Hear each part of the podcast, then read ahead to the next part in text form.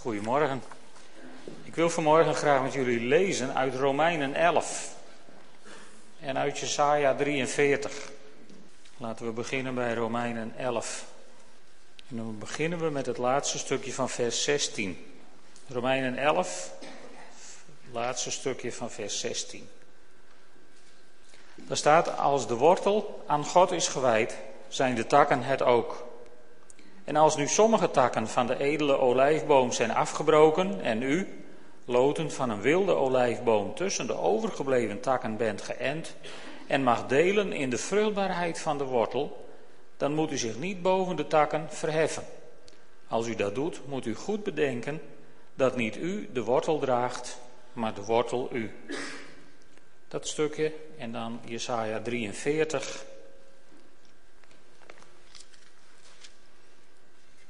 Ook vanaf vers 16. Dit zegt de Heer, die een weg baant door de zee en een pad door machtige wateren, die paarden en wagens liet uitrukken, een heel leger van geweldenaars, daar lagen ze en ze stonden niet meer op. Ze zijn vergaan als een kwijnende vlam gedoofd. Blijf niet staan bij wat eertijds is gebeurd. Laat het verleden nu rusten. Zie, ik ga iets nieuws verrichten. Nu ontkiemt het. Heb je het nog niet gemerkt? Ik baan een weg door de woestijn en maak rivieren door de wildernis. Tot zover.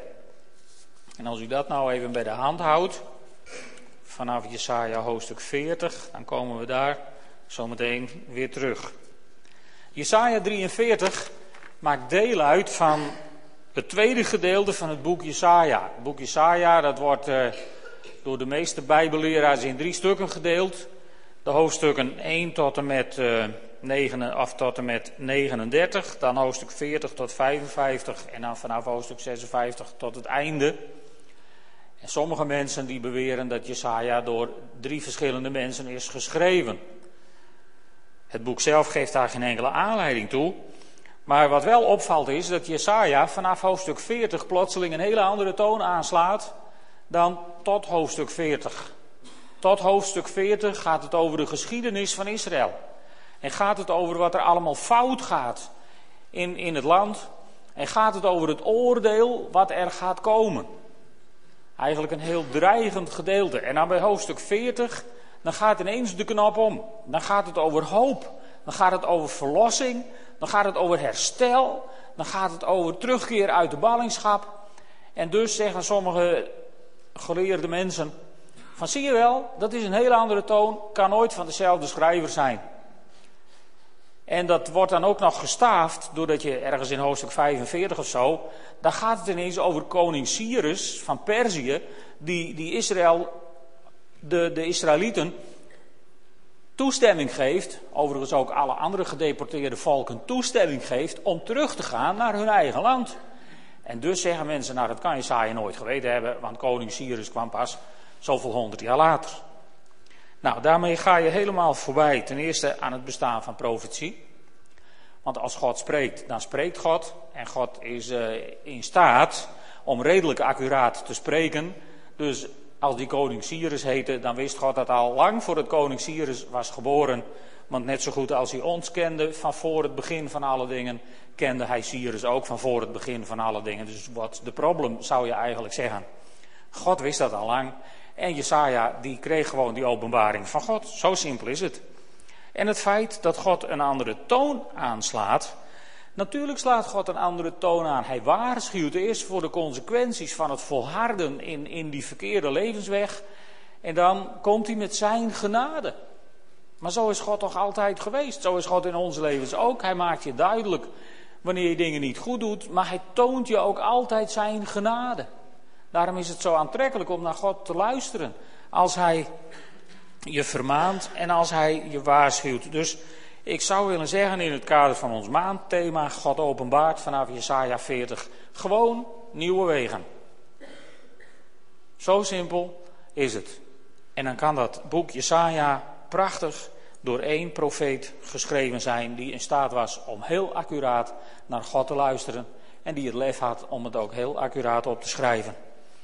En als hij dan dit gedeelte gaat lezen, hoe verder je erin leest, hoe blijer je met God wordt. Dus ik wil vandaag jullie ook meenemen door een aantal highlights uit, uit een paar hoofdstukken van dit deel van Jesaja. Want het is, er zitten zulke prachtige dingen in.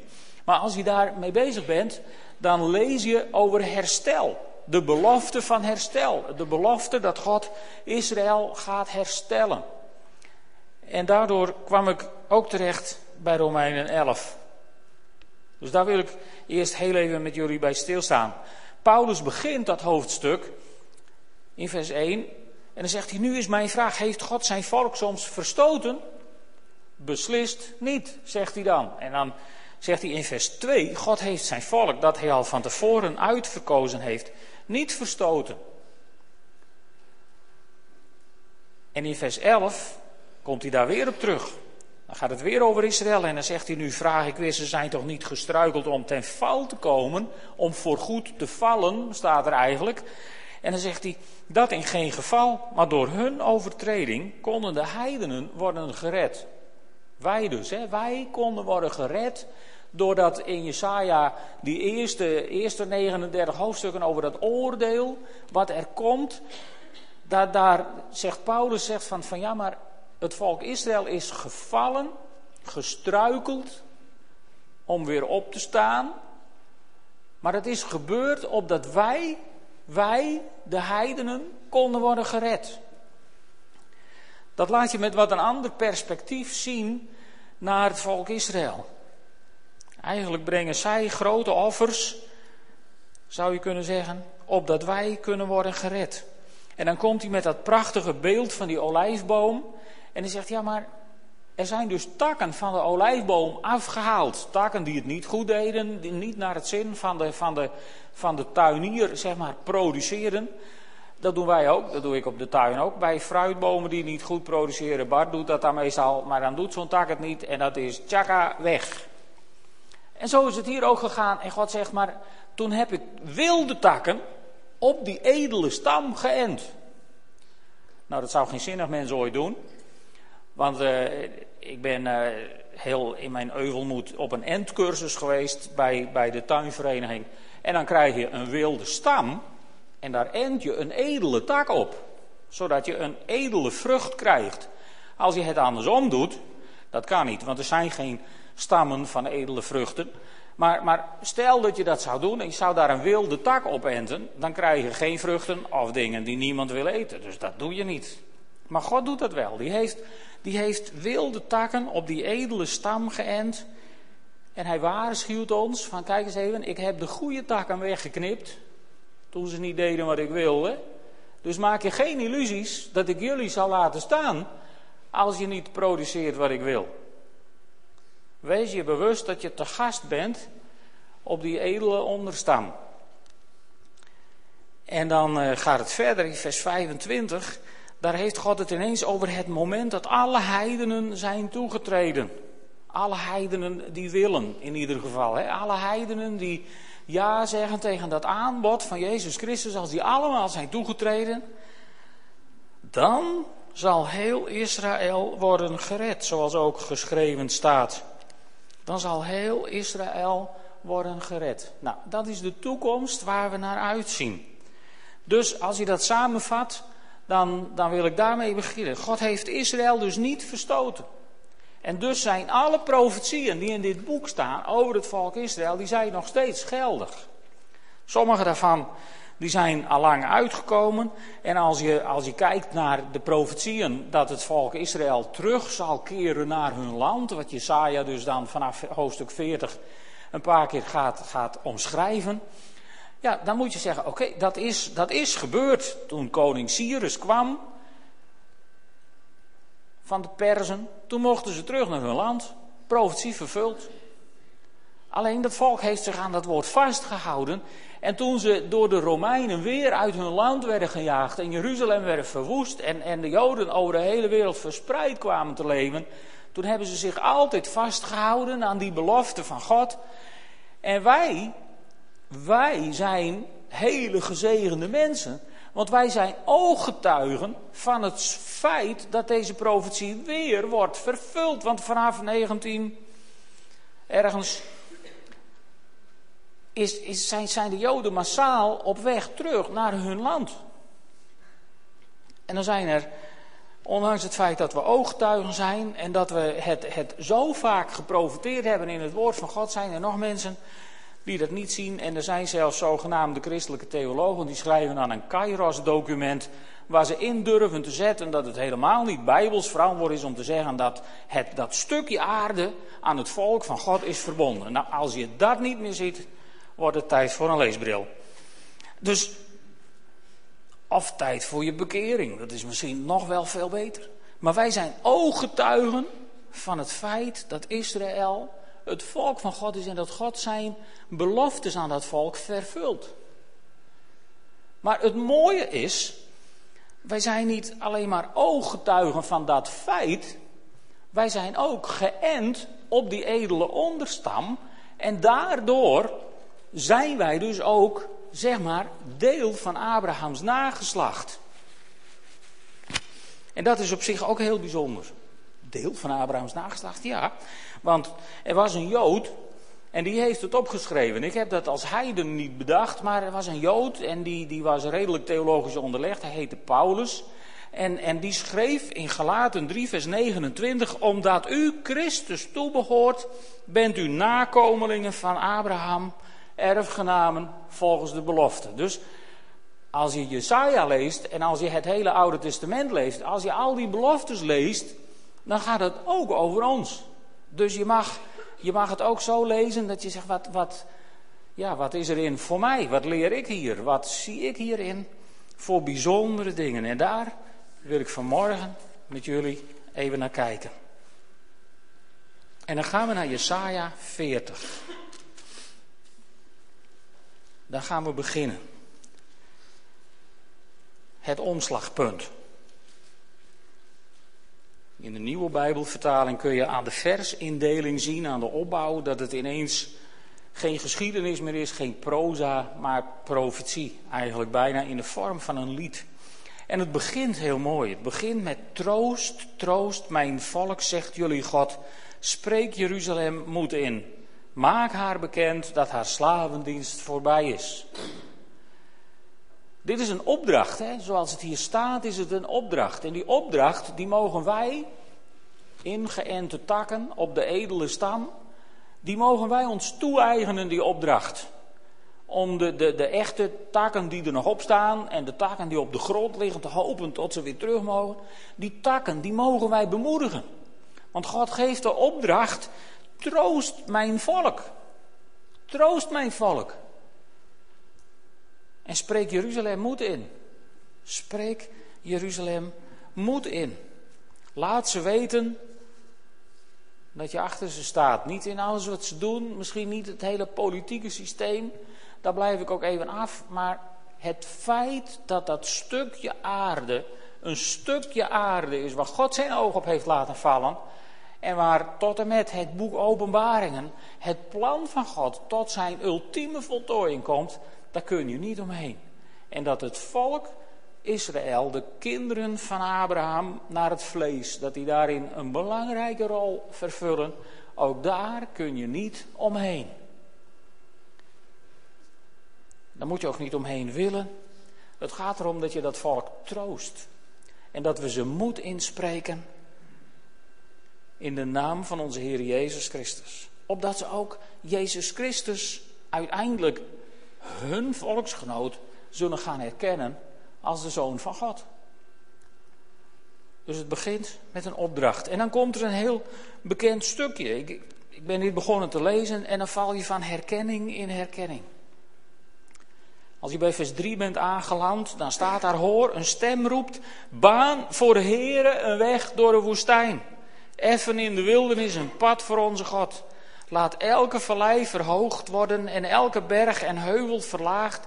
Laat ruigland vlak worden en rotsige hellingen rustige dalen. En de luister van de Heere zal zich openbaren voor het oog van al wat leeft. Niet alleen voor het oog van Israël, maar voor het oog van al wat leeft. Dus ook voor onze ogen. Baan een weg voor de Heere. Daar heb ik het een jaar geleden hier over staan hebben. Over dat gedeelte. Herkenning in dat stukje. En dan een klein eindje verder, er staat zoiets over Gods goedheid. En nu moet je gewoon even met me meegaan door een aantal hoogtepunten.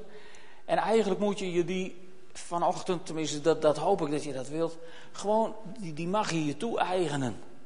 Die mag je gewoon in je geheugen griffen voor momenten waarop je, waarop je even een steuntje in de rug misschien nodig hebt.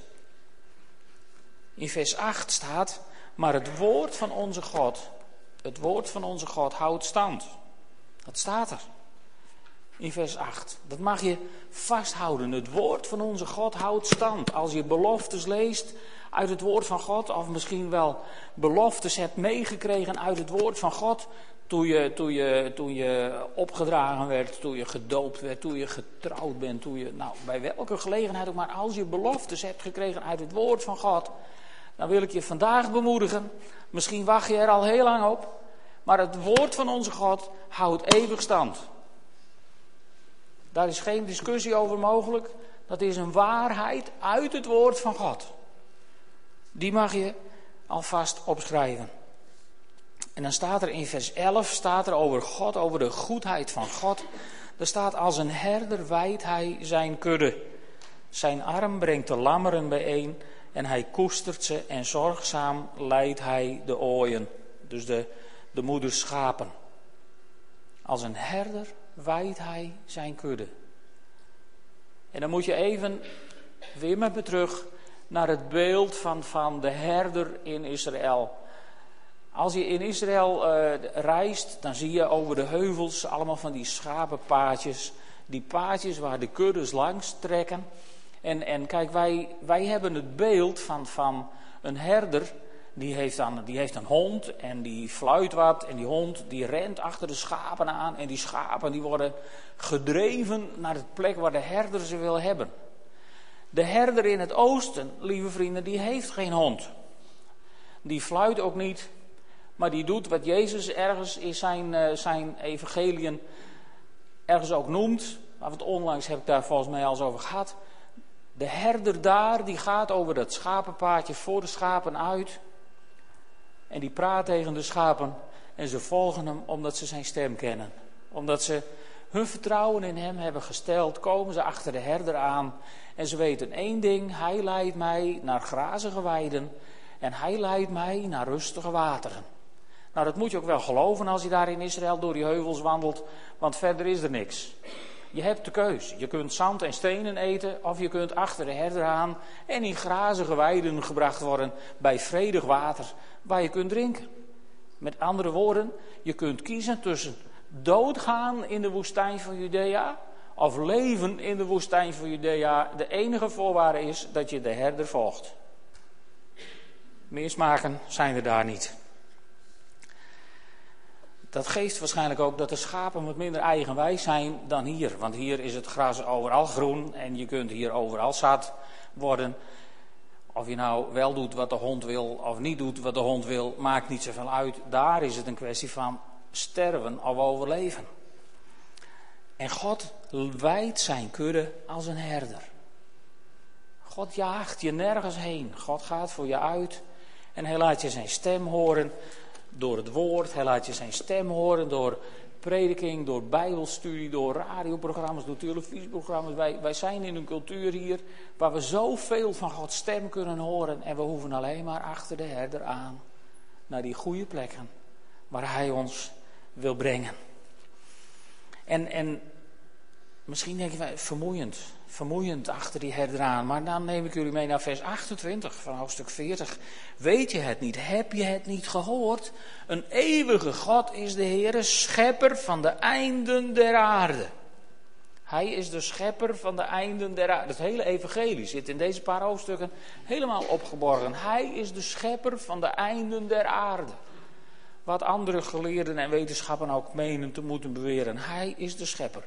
En hij wordt niet moe. Hij raakt niet uitgeput. En zijn wijsheid is niet te doorgronden. Hij geeft de vermoeide kracht.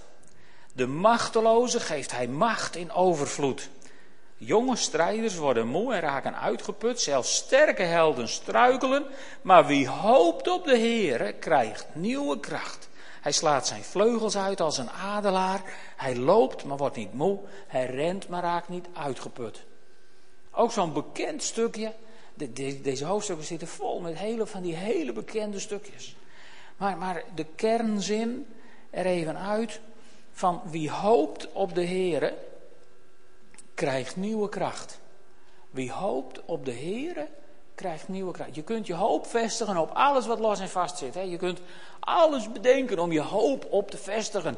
Maar, maar ja, de laatste jaar worden we toch geconfronteerd met mensen ja, die hadden hun hoop gevestigd op hun kapitaal bij iSafe. En andere mensen hadden hun hoop gevestigd op hun, hun oude dagsvoorziening bij DSB. En andere mensen weer ergens anders. En, en, wat is er voor over? Wat heeft het ze uiteindelijk gebracht?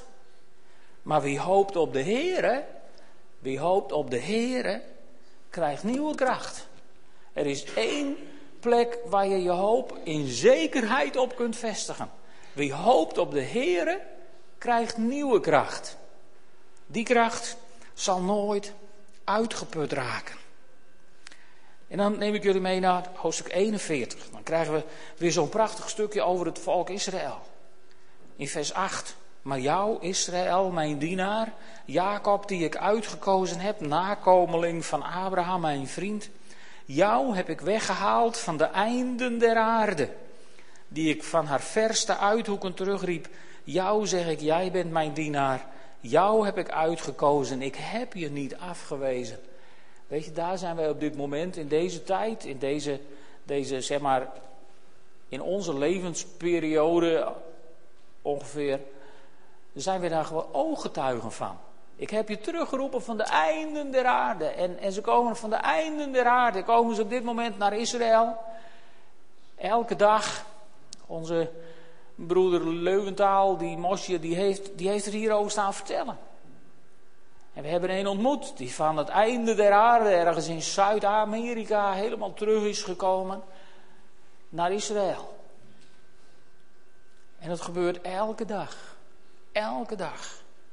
De media hebben het er niet veel over, want het is goed nieuws. Dus dat moet je niet te veel onder de aandacht brengen. Daarom doe ik het nu. Maar elke dag. En wij zijn er ooggetuigen van. Dat gebeurt in de tijd waarin wij leven.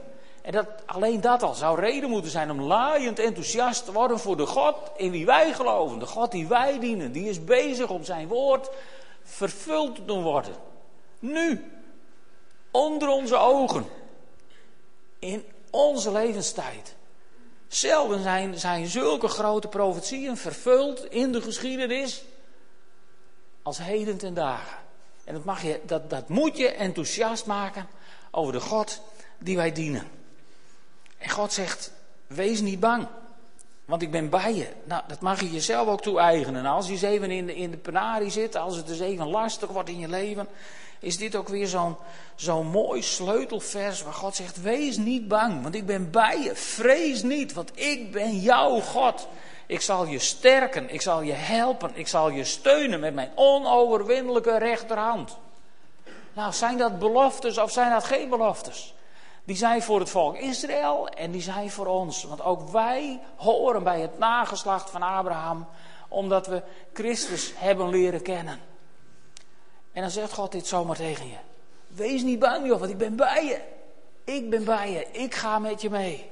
Ik draag je. Ik, ik leid je. En dan in vers 17. Daar staat, ik de Heere zal hun antwoord geven. Ik, de God van Israël, zal hen niet verlaten. Ik laat op kale heuvels rivieren ontspringen en bronnen in de valleien. In de woestijn laat ik meren ontstaan, uit dorre grond borrelt water op. En dan moet je even opletten, ik plant in de woestijn ceders en acacia, myrte en olijf. En ik laat in de wildernis den, kamperfoelie en cipres opschieten. Ook daar zijn wij getuigen van. Jaren geleden zijn Geert en ik ook een keer in Israël geweest. En eh, misschien wordt het ook wel tijd om daar eens weer naartoe. Klaas en Herman zijn er vorig jaar nog geweest. Maar, maar ik herinner me nog dat we aan de Dode Zee stonden. Vlak bij Jericho. En, en ik heb niks tegen uh, Arabische mensen. Maar daar is het één grote dorre boel. En dan kom je in Israëlisch territorium. En dan sta je aan de Dode Zee. En de Dode Zee is morsdood. Maar op de oever van de Dode Zee, dan groeien prachtige dadelpalmen en er komen ook nog dadels aan. Met andere woorden, wil je deze profetie vervuld zien worden? Koop een kaartje naar Israël. Ga kijken op de meest onmogelijke plekken waar het landbouwkundig misschien wel helemaal niet kan. Maar het bloeit wel. Want onze God komt zijn woorden altijd na. Het woord van onze God houdt eeuwig stand. En je hoeft er alleen maar heen te gaan om het met je eigen ogen te zien. Ik kan bijna een reisbureau voor Israël beginnen, geloof ik. Maar dat moet je echt een keer doen. Om, om gewoon te zien hoe God daar de woestijn verandert in groene gebieden. Het kan wel. Het kan wel. Want God heeft het hier beloofd. Het staat hier, dus kan het. En, en waarom gebeurt het? Nou, God zegt dan in vers 20: dan zullen zij zien en beseffen, begrijpen en erkennen dat de hand van de Heere dit heeft verricht. Dat is geen mensenwerk wat je daar ziet. De mensen die dat doen, die denken dat nog wel. Maar er komt een dag dat ook dit in vervulling gaat. Dan zullen ze beseffen en erkennen dat de hand van de Heere dit heeft verricht. En dat de Heilige van Israël dit alles schiep. Daarom laat God het allemaal gebeuren. Geweldig. En dan is dat volk terug in zijn land. En dan komen we in hoofdstuk 42 ook zo'n prachtig bekend stukje, kom je dan gelijk tegen in vers 1. Daar. In vers 1, daar staat: Hier is mijn dienaar, hem zal ik steunen. Hij is mijn uitverkorene. In hem vind ik vreugde. Ik heb hem met mijn geest vervuld. Hij zal alle volken het recht doen kennen. Hij schreeuwt niet, hij verheft zijn stem niet, hij roept niet luidkeels in het openbaar. Het geknakte riet breekt hij niet af, de kwijnende vlam zal hij niet doven, het recht zal hij zuiver doen kennen. Over wie gaat dit? Kijk me niet aan alsof je het niet weet. Over wie gaat dit? Over Jezus toch, of niet? De walmende vlaspit niet doven, uh, de, de, de, het geknakte riet niet verbreken. Ook weer zo'n prachtig bekend stukje. Het geloof wat je mag hebben als je een kind van God bent. Want als kind van God kun je soms ook het gevoel hebben dat je geknakt bent geraakt ergens door. En dan, dan mag je dit weten, maar hij verbreekt het geknakte riet niet. En misschien heb je ook wel eens het idee van, nou ik ben niet zo'n helder licht op het moment, ik ben meer een walmende vlaspit. Nou, dan dooft Jezus je niet, maar dan herrevived hij je, hoe moet ik dat zeggen? Dan, dan, dan geeft hij je een soort opwekking dat je weer tot nieuw leven komt. En weer verder kunt met hem. Weer zo'n prachtige bemoediging. En dan staat er in vers 4: Ongebroken en vol vuur zal hij het recht op aarde vestigen. De eilanden zien naar zijn onderricht uit. Dat woordje eilanden, daar is wat mee. Dat is heel bijzonder, dat woordje. Eh, als je daar de Hebreeuwse betekenis van, van gaat opzoeken, ja, dan kun je het vertalen met eilanden, maar dat is niet exclusief de eilanden. Eigenlijk Eigenlijk betekent dat woord, zeg maar, de lage gebieden aan de zee. Nou, de meeste eilanden zijn lage gebieden aan de zee. Maar de kuststroken zijn ook landen aan de zee. En de NBG-vertaling, die schrijft hier ook, de kustlanden zien naar zijn onderricht uit. Maar eigenlijk betekent het woord, als je teruggaat naar de basis van het woord, betekent het gewoon laag. Niet veel meer en niet veel minder. Het Hebreeuws is een taal van weinig woorden. Laag, de lage landen. Zie naar zijn onderricht uit. Toen ik daar van de week over nadacht, toen dacht ik, welk gebied op aarde noemen ze nou eigenlijk de lage landen? Weet je dat? Dat is grappig. De lage landen zien naar zijn onderricht uit. Nou, daar zie ik niet veel van in dit land de kerkverlating via het hoogtij. En je kunt het heel pessimistisch bekijken. Dan moet je veel kranten lezen, dan helpt dat allemaal. Maar als je het woord van God gaat lezen, dan staat daar van de, de, de lage landen zien daar zijn onderricht uit. Zou het ook niet een profetie zijn? Ik heb het maar aangenomen als profetie. En ik heb de Heer voor gedankt. En zei, Heer, daar, daar ga ik voor. Daar, daar, dat, ook dat wil ik zien met mijn eigen ogen. Ik vind het prachtig dat, dat het volk Israël naar zijn land terugkeert. Maar dit wil ik ook zien. Hier wil ik mijn ogen voor openen. En heren, ik wil meemaken dat, dat de lage landen naar uw onderricht gaan uitzien. En dat, dat u ook hier gewoon weer heer en meester wordt. Wauw. De lage landen zien naar zijn onderricht uit. En gaat het verder, vers 5. Dit zegt God de Heer. In gerechtigheid heb ik de Heer jou geroepen. Ik zal je bij de hand nemen en je behoeden. Ik neem je in dienst voor mijn verbond met de mensen. Ik maak je tot een licht voor alle volken. Om blinden de ogen te openen. Om gevangenen te bevrijden uit de kerker. En wie in het duister zit, uit de gevangenis. Yes. En ja, maar dit gaat ook over de Heer Jezus. Ja, dit gaat onder andere ook over de Heer Jezus. Alleen toen de Heer Jezus op deze aarde was en zijn ding gedaan had, toen zei hij tegen zijn discipelen: Jullie zullen nog grotere dingen doen dan ik. Ga heen, veel plezier ermee, verkondig aan alle volken enzovoort. Dat kennen we toch dat uit Matthäus 28. Toen werden wij erop uitgestuurd om hetzelfde te doen als wat de Heer Jezus had gedaan. En dan gaat het ineens over ons. Dan gaat het ineens over ons. Waar staat in gerechtigheid heb ik jou geroepen. Mij? Ja, jou. Ik zal je bij de hand nemen en je behoeden. Nou, gelukkig maar, hè, dat scheelt. Ik zal je bij de hand nemen en je behoeden. Ik neem je in dienst voor mijn verbond met de mensen. Oké, ik neem je in dienst. Ik neem je in dienst, allemaal, zoals jullie hier zitten. Ik neem je in dienst, zegt God, voor mijn verbond met de mensen. En, en, en ik maak je tot een licht voor de volken. Ja, ik maak je tot een licht voor de volken. Ik maak je. De lage landen zien uit naar zijn onderricht en ik maak ze tot een licht voor de volken. Wauw. Ja, Heer, daar gaan we voor. Dat willen we. Opdat blinden zullen zien, gevangenen vrijheid zullen beleven en wie in het duister zit uit de gevangenis zal komen. Mensen uit de duisternis bevrijd zullen raken. Zoveel mensen in dit land zitten gevangen in duisternis, in, in de valstrikken, in de netten van de Satan. En dan wil God ons gebruiken om deze mensen te bevrijden. Is dat niet geweldig? Is dat niet mooi? Ook dat is een belofte van God. Maar we zijn er nog lang niet. We gaan even verder. Vers 9. Wat eertijds werd voorzegd, is nu vervuld. Ik kondig jullie nieuwe dingen aan. Nog voor ze ontkiemen, zal ik ze openbaren. En volgens mij is God daarmee bezig. Als je zo in zijn woord leest en dingen raken je hart. En de Heilige Geest die, die, die spreekt door het woord van God tot je, dan, dan is God bezig om te openbaren. En dan is de bedoeling dat je, dat je zegt, ja Heer, ik wil beschikbaar zijn voor nieuwe dingen die u wilt doen. Want dat is wat God hier zegt, ik kondig jullie nieuwe dingen aan. En dan zegt hij, begin maar met zingen. Begin maar met mij te danken en te loven en te prijzen voor wat ik ga doen. Want vers 10 zegt, zing voor de Heer een nieuw lied. Laat zijn lof klinken van de einden der aarde. Jullie die de zee bevaren en alles wat leeft in de zee jullie lage landen en allen die daarop wonen. Hm. Mooi hè? Ineens gaat het weer over ons. Niet te geloven. Zo dichtbij komt het woord van God. En dan gaan we door naar hoofdstuk 43. En in hoofdstuk 43, daar word je weer bemoedigd door allemaal van die prachtige zinnen. Vers 1. Wel nu, dit zegt de Heere die jou schiep, Jacob, en die jou vormde, Israël. Wees niet bang, want ik zal je vrijkopen.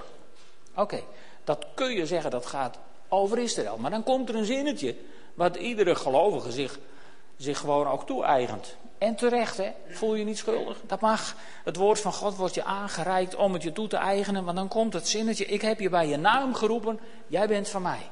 Hoe vaak zeggen we dat niet? Als mensen beleidenis doen, mensen gedoopt worden. In andere situaties, dat, dat stukje Bijbelvers gebruiken we heel vaak. En ook dat staat in, in dit nieuwe stuk van Jesaja. In deze nieuwe toon die God aanslaat. Hé, hey, ik heb je bij je naam geroepen. Je bent van mij. Yes. Dus wat zal je gebeuren? En dan, dan gaat hij verder in vers 2. Nu moet je even goed opletten. Vers 2. Moet je door het water gaan? Ik ben bij je.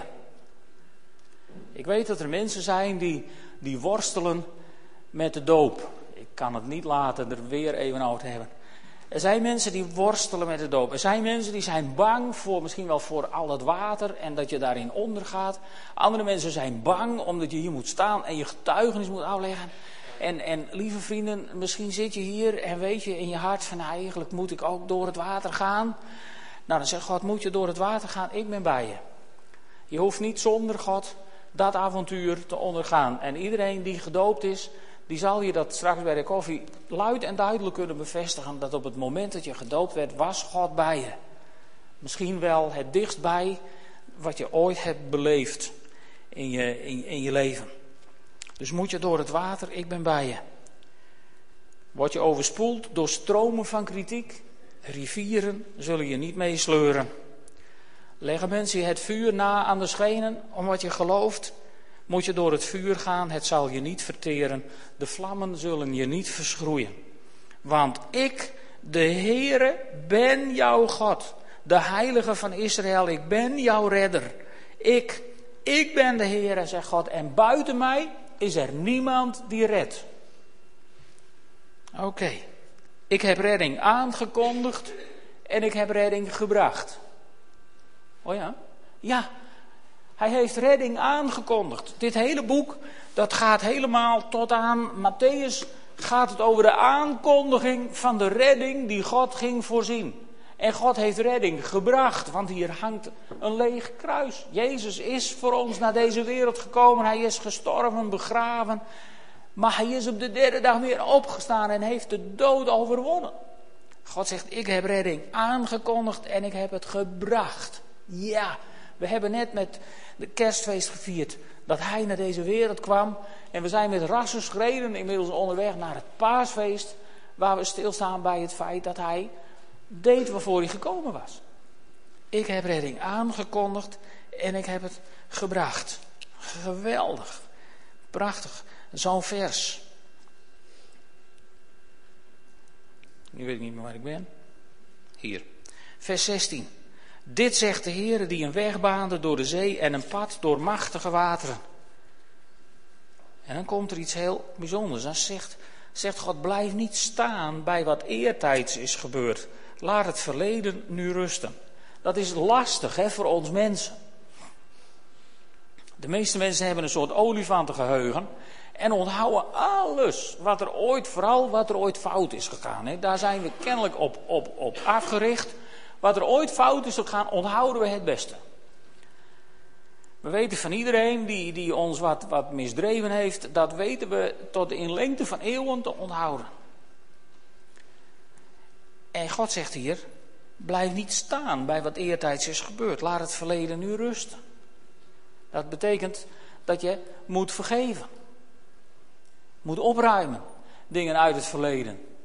Maar er zit nog een betekenis in, er zit nog een kant in. Want ik ken ook heel veel gelovigen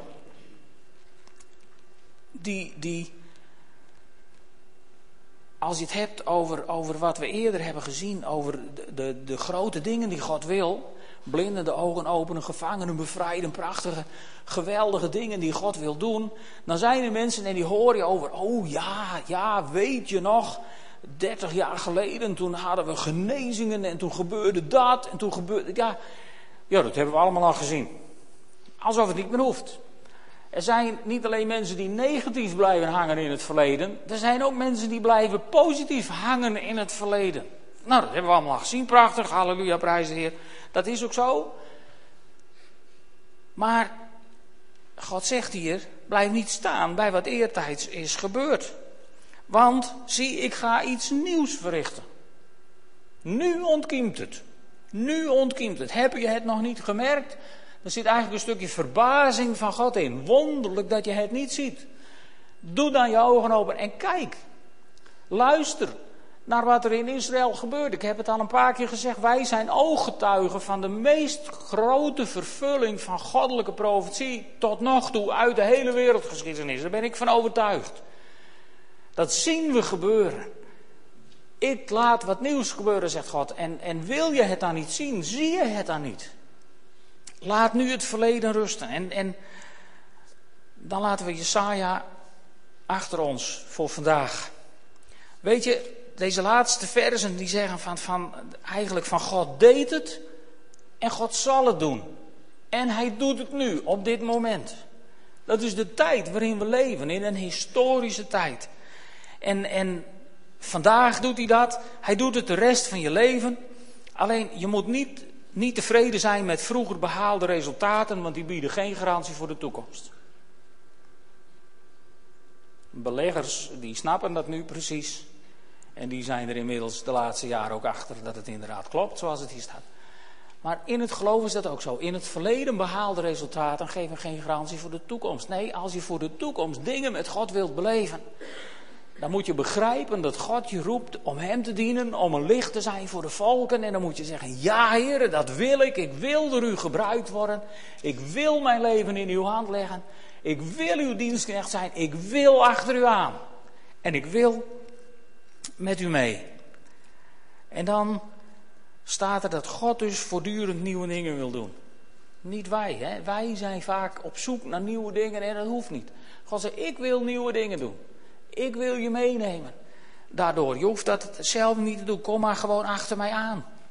En dan, dan staat er nog zo'n zo'n vers, even ter afsluiting, waar God zegt, ik baan een weg door de woestijn, ik maak rivieren in de wildernis. Wij zouden zeggen, nou ik heb eigenlijk liever Heer dat u de woestijn wegdoet. En de wildernis kan ook wel weg. Daar wordt het leven veel prettiger van. En dat staat hier niet. Nou ja, maar dan misschien hier een alternatief verzoek. Neem ons dan weg uit de woestijn, uit de wildernis. En dat staat er ook niet. Nee, wat zegt God hier? Hij zegt, ja, luister eens. Misschien lijkt jouw leven af en toe op een woestijn. Maar dan wil ik je één ding zeggen, lieve vriend, lieve vriendin. Ik baan voor jou een weg door die woestijn. Ik ga er met je dwars doorheen. En misschien zeggen, God, mijn leven is zo wildernis. Dan zegt God, ja, weet je wat, ik maak voor jou een rivier in die wildernis. Een rivier, zodat je er doorheen kunt varen, zodat je te drinken hebt onderweg, zodat je verkoeling hebt tegen de hitte. Ik zal voorzien in dat wat je nodig hebt. En dan kun jij door je wildernis heen. Met mij. Want ik ga met je mee. Ik laat je niet los. Ik neem je bij je rechterhand en ik bescherm je. En als een herder zal ik voor je uitgaan. En, en als je niet meer kunt, zal ik je als een lammetje even tijdelijk in mijn armen nemen. En dan draag ik je een stukje. En dat moet je gewoon voor waar aannemen, want mijn woord houdt voor eeuwig stand. Geweldig. En dat geldt ook voor ons. Want toen de Heer Jezus aan het eind van zijn tijd op aarde was, toen zei hij tegen zijn discipelen: Luister goed, lieve vrienden, ik ben met jullie. Alle dagen tot aan de voltooiing van deze wereld. Ik ben met je. Dus trek je door de wildernis, ik ben met je. Moet je door de woestijn, ik ben met je. Zit het leven zwaar tegen, ik ben met je. Valt alles wat je had geprobeerd of had gedacht, valt jouw eigen gebouwd kaartenhuis als een kaartenhuis in elkaar? Ik ben bij je.